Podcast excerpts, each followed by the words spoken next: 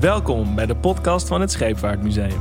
De IJskast. In deze podcast gaan wij Tim en Paul, met echte experts op expeditie naar verhalen over Willem Barents, klimaatvluchtelingen Russische ijsbrekers. en nieuwe mogelijkheden in het Noordpoolgebied. Want in het Scheepvaartmuseum zijn vanaf 4 oktober tot en met 10 mei 2020 de tentoonstellingen Strijd om het ijs en Reizend Water te bezoeken. Hierin staan de veranderende Noordpool en de klimaatcrisis centraal. We spreken onder andere met journalist Kadir van Lohuizen over de stijgende zeespiegel. En professor cultuurgeschiedenis Lotte Jensen over het heldenepos over Nova Zembla van Henrik Tollens. Maar Tim, waarom zitten wij hier nou eigenlijk? Nou, Paul, jij bent al 9 jaar museumdocent en allround legend in de geschiedenisgame. En Tim, volgens mij ben jij gewoon conservator in het Scheepvaartmuseum. Ja, dat klopt. Samen hebben wij ook onze eigen geschiedenispodcast, de Tim en Paul Geschiedenispodcast. Wil je na het luisteren van de IJskast meer weten over het verleden, het heden en de toekomst van het Noordpoolgebied? Verlaat dan je behouden huis en kom tussen 4 oktober en 10 mei naar het Scheepvaartmuseum.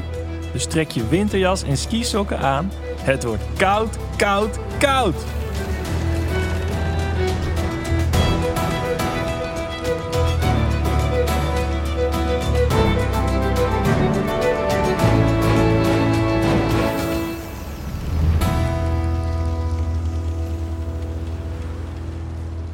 Eh, nou Tim, als je iets wil weten over het Noordpoolgebied, kun je niet om emeritus hoogleraar en poolreiziger Laurens Hakkebord heen. Al jaren bestuurt hij het Poolgebied vanuit het snijvlak van archeologie, geschiedenis en fysische geografie. Allemaal moeilijke woorden. Maar wat was nou de aantrekkingskracht van de Pool? En waarom wilden de Nederlanders uit de 16e tot de 19e eeuw het gebied allemaal bedwingen? Ja, super interessant. Ja. En waar ik vooral he- heel benieuwd naar ben, is dat, dat hij daar echt geweest is. Vaak ook. Ja, vaak. En, en we kunnen dat allemaal wel leuk opschrijven en lezen, dat mensen daarheen gaan in een poepoe.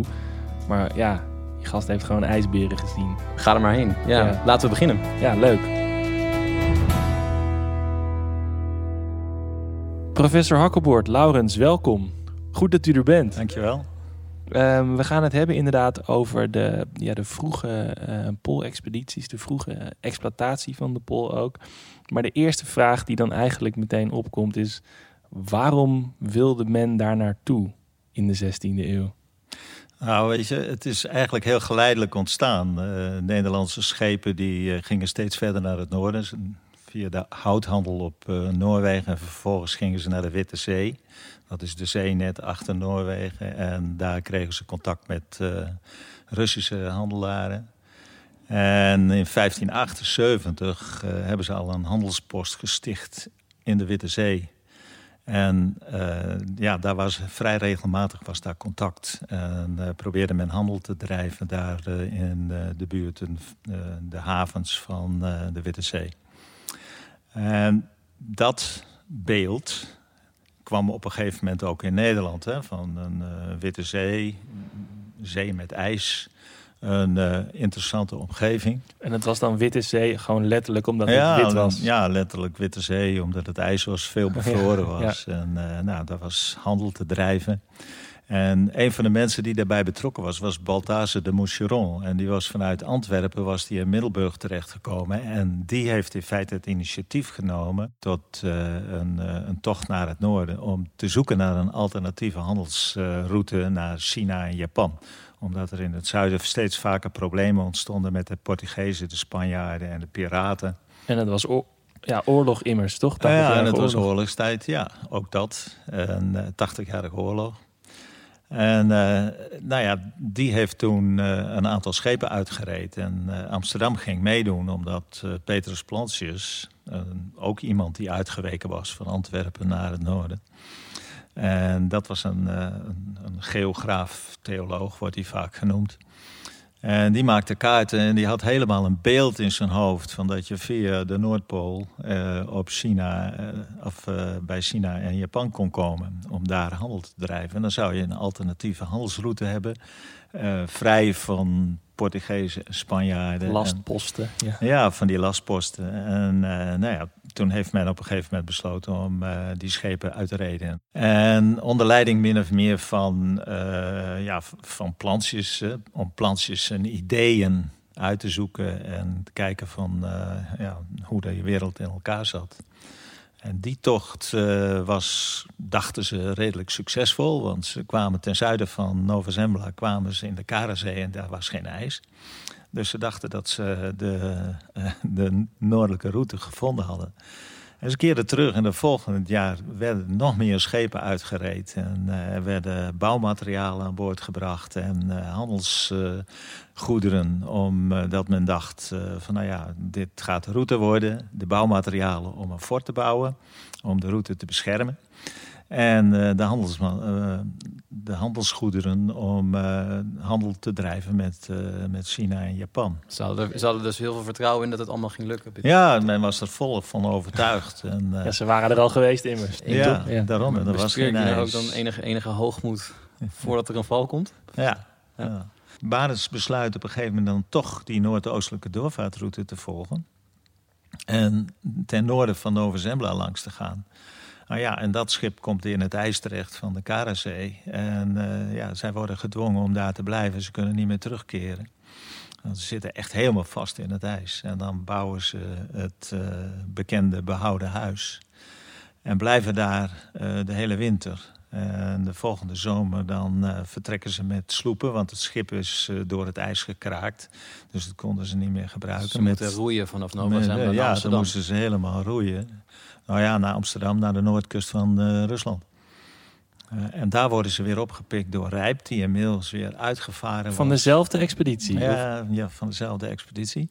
Die was uitgevaren om handel te drijven in cola en ook om te zoeken naar uh, Barents. En, Wacht even, en cola is ook even verwarrend in deze context. Um, Niet Coca-Cola. Nee, ja, dus het is een plek, cola. Ja, cola is een, een plaats in, in het noorden van Rusland. Oké. Okay.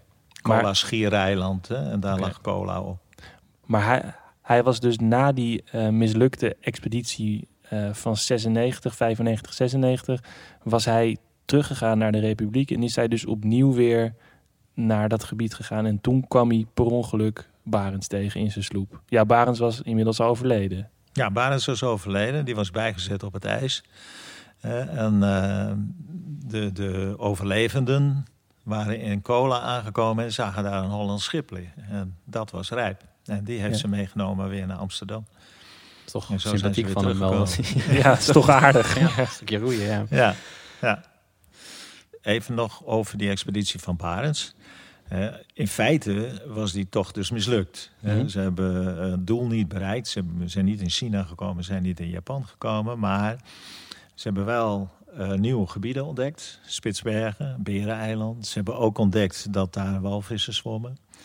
Uh, en ze hebben daar ook een geografisch beeld van gegeven, of een cartografisch beeld. Dus economisch gezien een mislukte expeditie, maar wetenschappelijk gezien wellicht te zien als een succes? Ah, nou, ik denk dat dat inderdaad klopt. Uh, dat het wetenschappelijk uh, um, een succes was en dat het ons beeld van het Poolgebied heel erg veranderd heeft. Nog in de 19e en de 20, begin 20e eeuw werd gedacht dat er nog land was ten noorden van de Spitsbergen en ten noorden van Nova Zembla. Uh, maar dat is eigenlijk de noordoostelijke route. Maar er zijn andere Nederlanders uh, ook actief in dat gebied rondom Spitsbergen. Want daar is een enorme uh, walvis. Ja, dat is, dat is later. He, dat is ongeveer een, een 20 jaar later, 1612 is dat. Waar gebruik je ja. walvis voor? Wat is traan, inderdaad? Nou ja, traan is gesmolten spek. Ja, en uh, de Groenlandse walvis heeft een uh, speklaag van ongeveer 60 centimeter. En dan kun je smelten hè, door het te verhitten en dan krijg je traan. En die traan, dat was, uh, was een olie in feite. En het was een vervanging voor de, vegeta voor de plantaardige oliën. Dus er was, er was een gat in de markt voor walvis. Ja, men zag dus walvisspek, zag men walvistraan, zag men echt als een vervanging van die, van die plantaardige... Is dit hetzelfde, uh, dezelfde traan die ik dan vroeger kreeg voor de gezondheid? Nee, nee dat heeft er niets mee te maken. dat was, uh, is een hardnekkig gerucht. Ja, dat is een hardnekkig uh, gedachte, maar dat is um, de lever van, van de kabeljauw. Ja, maar in het begin was het eigenlijk alleen maar bedoeld voor het maken van kaarsen, voor um, de zeepindustrie... En voor, uh, als, als olie En vet voor uh, uh, leer en, en textiel. Hè? Dat moest vettig zijn, dan, dan kon je dat makkelijker verwerken. En hoe, hoe um, kun je zeggen, of kunnen, we, kunnen we inschatten hoeveel mensen daar actief zijn geweest in die walvisjacht in de 17e eeuw? Is dat een bedreiging geweest voor de walvissen daar? Zijn die bijna uitgeroeid door de Nederlanders? Ja, zeker. Als je die hele periode neemt, van 1612 tot, nou, laten we zeggen, 1800...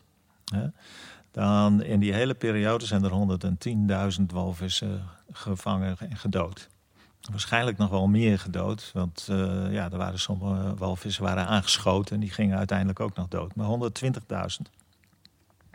We zijn daar vrij goed van op de hoogte, omdat er boekhouders meegingen. Ja, ja, ja. En die gingen dat mooi noteren. Ja, van ieder jaar is er, is er per plek bijna een soort van register, toch? Van zoveel vissen en zoveel vaten spek. Ja, ja. ja, de, de lijsten van Amsterdam. En, uh, al die lijsten die werden ingevuld en werd keurig bijgehouden. Dus we weten dat vrij goed. En uh, wij hebben dat met, in ons onderzoek hebben we ook uh, de Engelse cijfers, de Duitse cijfers, Noord-Duitse steden deden ook mee, Hamburg en Bremen.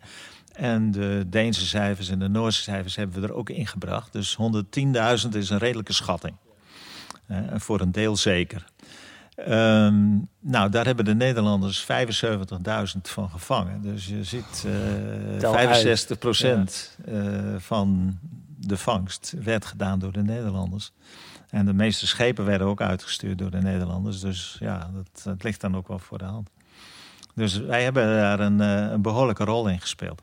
Waar ik stiekem een beetje benieuwd naar ben, is wat de mensen daar neem Willem Barend. Hij kwam daar met zijn 16e eeuwse visie op de wereld. En hij kwam in dat pakijs terecht in het behouden huis. En ook misschien met jouw eigen ervaring hoe het daar is. Wat kwamen die mensen tegen en hoe is het daar? Nou, laten we beginnen te zeggen dat het heel verschillend is. Er kunnen jaren zijn dat er eh, weinig ijs is en er kan, kunnen jaren zijn dat er heel veel ijs is. Tegenwoordig is de trend naar weinig ijs. Maar uh, vroeger was dat echt heel verschillend. Ik kom heel verschillende uh, ijswaarnemingen tegen in de journalen en in de, de, de, verklaringen die afgelegd werden voor een notaris. Als er weer schade was aan een schip of zo. Ja. Nou, maar wat me tegenkwam in die walvisvaart uh, was uh, dat, dat er ijs was. En dat uh, het schip in het ijs raakte. En dat, dat ze de walvis niet konden vangen omdat hij onder het ijs dook. En dat een sloep omsloeg. Dat ze in het ijskoude water terechtkwamen. Dat hun schip ja, schade opliep en tegen het ijs aankwam. In het begin was dat, waren die schepen daar ook helemaal niet op gebouwd. Later heeft men er wel wat extra voorzieningen aangebracht door extra spanten aan te brengen. Uh, ja, toch een, een vrij groot uh, of een vrij hard bestaan. Uh, en soms ook dramatisch. Het was voor de kooplieden was het een gouden eeuw. Maar die gingen zelf niet mee. Maar de mensen die het uitvoerden, dan was het echt een heel hard bestaan met heel veel doden. wij hebben meer dan duizend graven gevonden op de westkust van Spitsbergen bijvoorbeeld. dus, duizend? Uh, ja, meer dan duizend, ja. ja, ja. Sommige eilanden lagen 200, 300 graven. En, uh, ja. Allemaal van, van Nederlanders? Ja, of ook van... Nou ja, walvisvaders die omgekomen zijn en die daar zijn bijgezet. En nu? Is, is het gebied veel veranderd nou, nu, uh, dan moet ik zeggen, van, wij, wij hebben in ieder geval andere kleding. We hebben andere uh, voorzieningen. We, onze logistiek is veel beter. Uh, dus voor ons is het niet vergelijkbaar met in de 17e eeuw. In de 17e eeuw liep men in wollen kleding. Hè. Als die nat wordt, nou, dan heeft, geeft dat niet veel beschutting nee. meer. Of bescherming meer. Dus in de, in de 17e eeuw was dat echt anders. 17e en 18e eeuw trouwens. Uh, ja, nu uh, kan het ook weer heel verschillend zijn. Je kunt een zomer kun je helemaal geen uh, last hebben van slechte weersomstandigheden. Kan het redelijk weer, weer zijn. Eh, het kan ook heel slecht zijn. Maar het is ook nu nog een vrij linke doorvaart. Je hebt eigenlijk vrijwel altijd heb je ijsbrekerhulp nodig. Ja, dat is misschien wel een mooie afsluitende vraag. Heb jij zelf het gebied zien veranderen? Ja, ik heb het enorm zien veranderen. Het, uh, het is heel erg vergroend. Als, als ik kijk naar, uh, ook naar Nova Zembla bijvoorbeeld, uh, ja, nauwelijks sneeuwbedekking. Ja, je ziet dat vegetatie daar steeds meer opslaat. En niet alleen door de resten van de mensen die daar geweest zijn, maar ook door de hogere temperatuur. En op Spitsbergen zie je dat ook.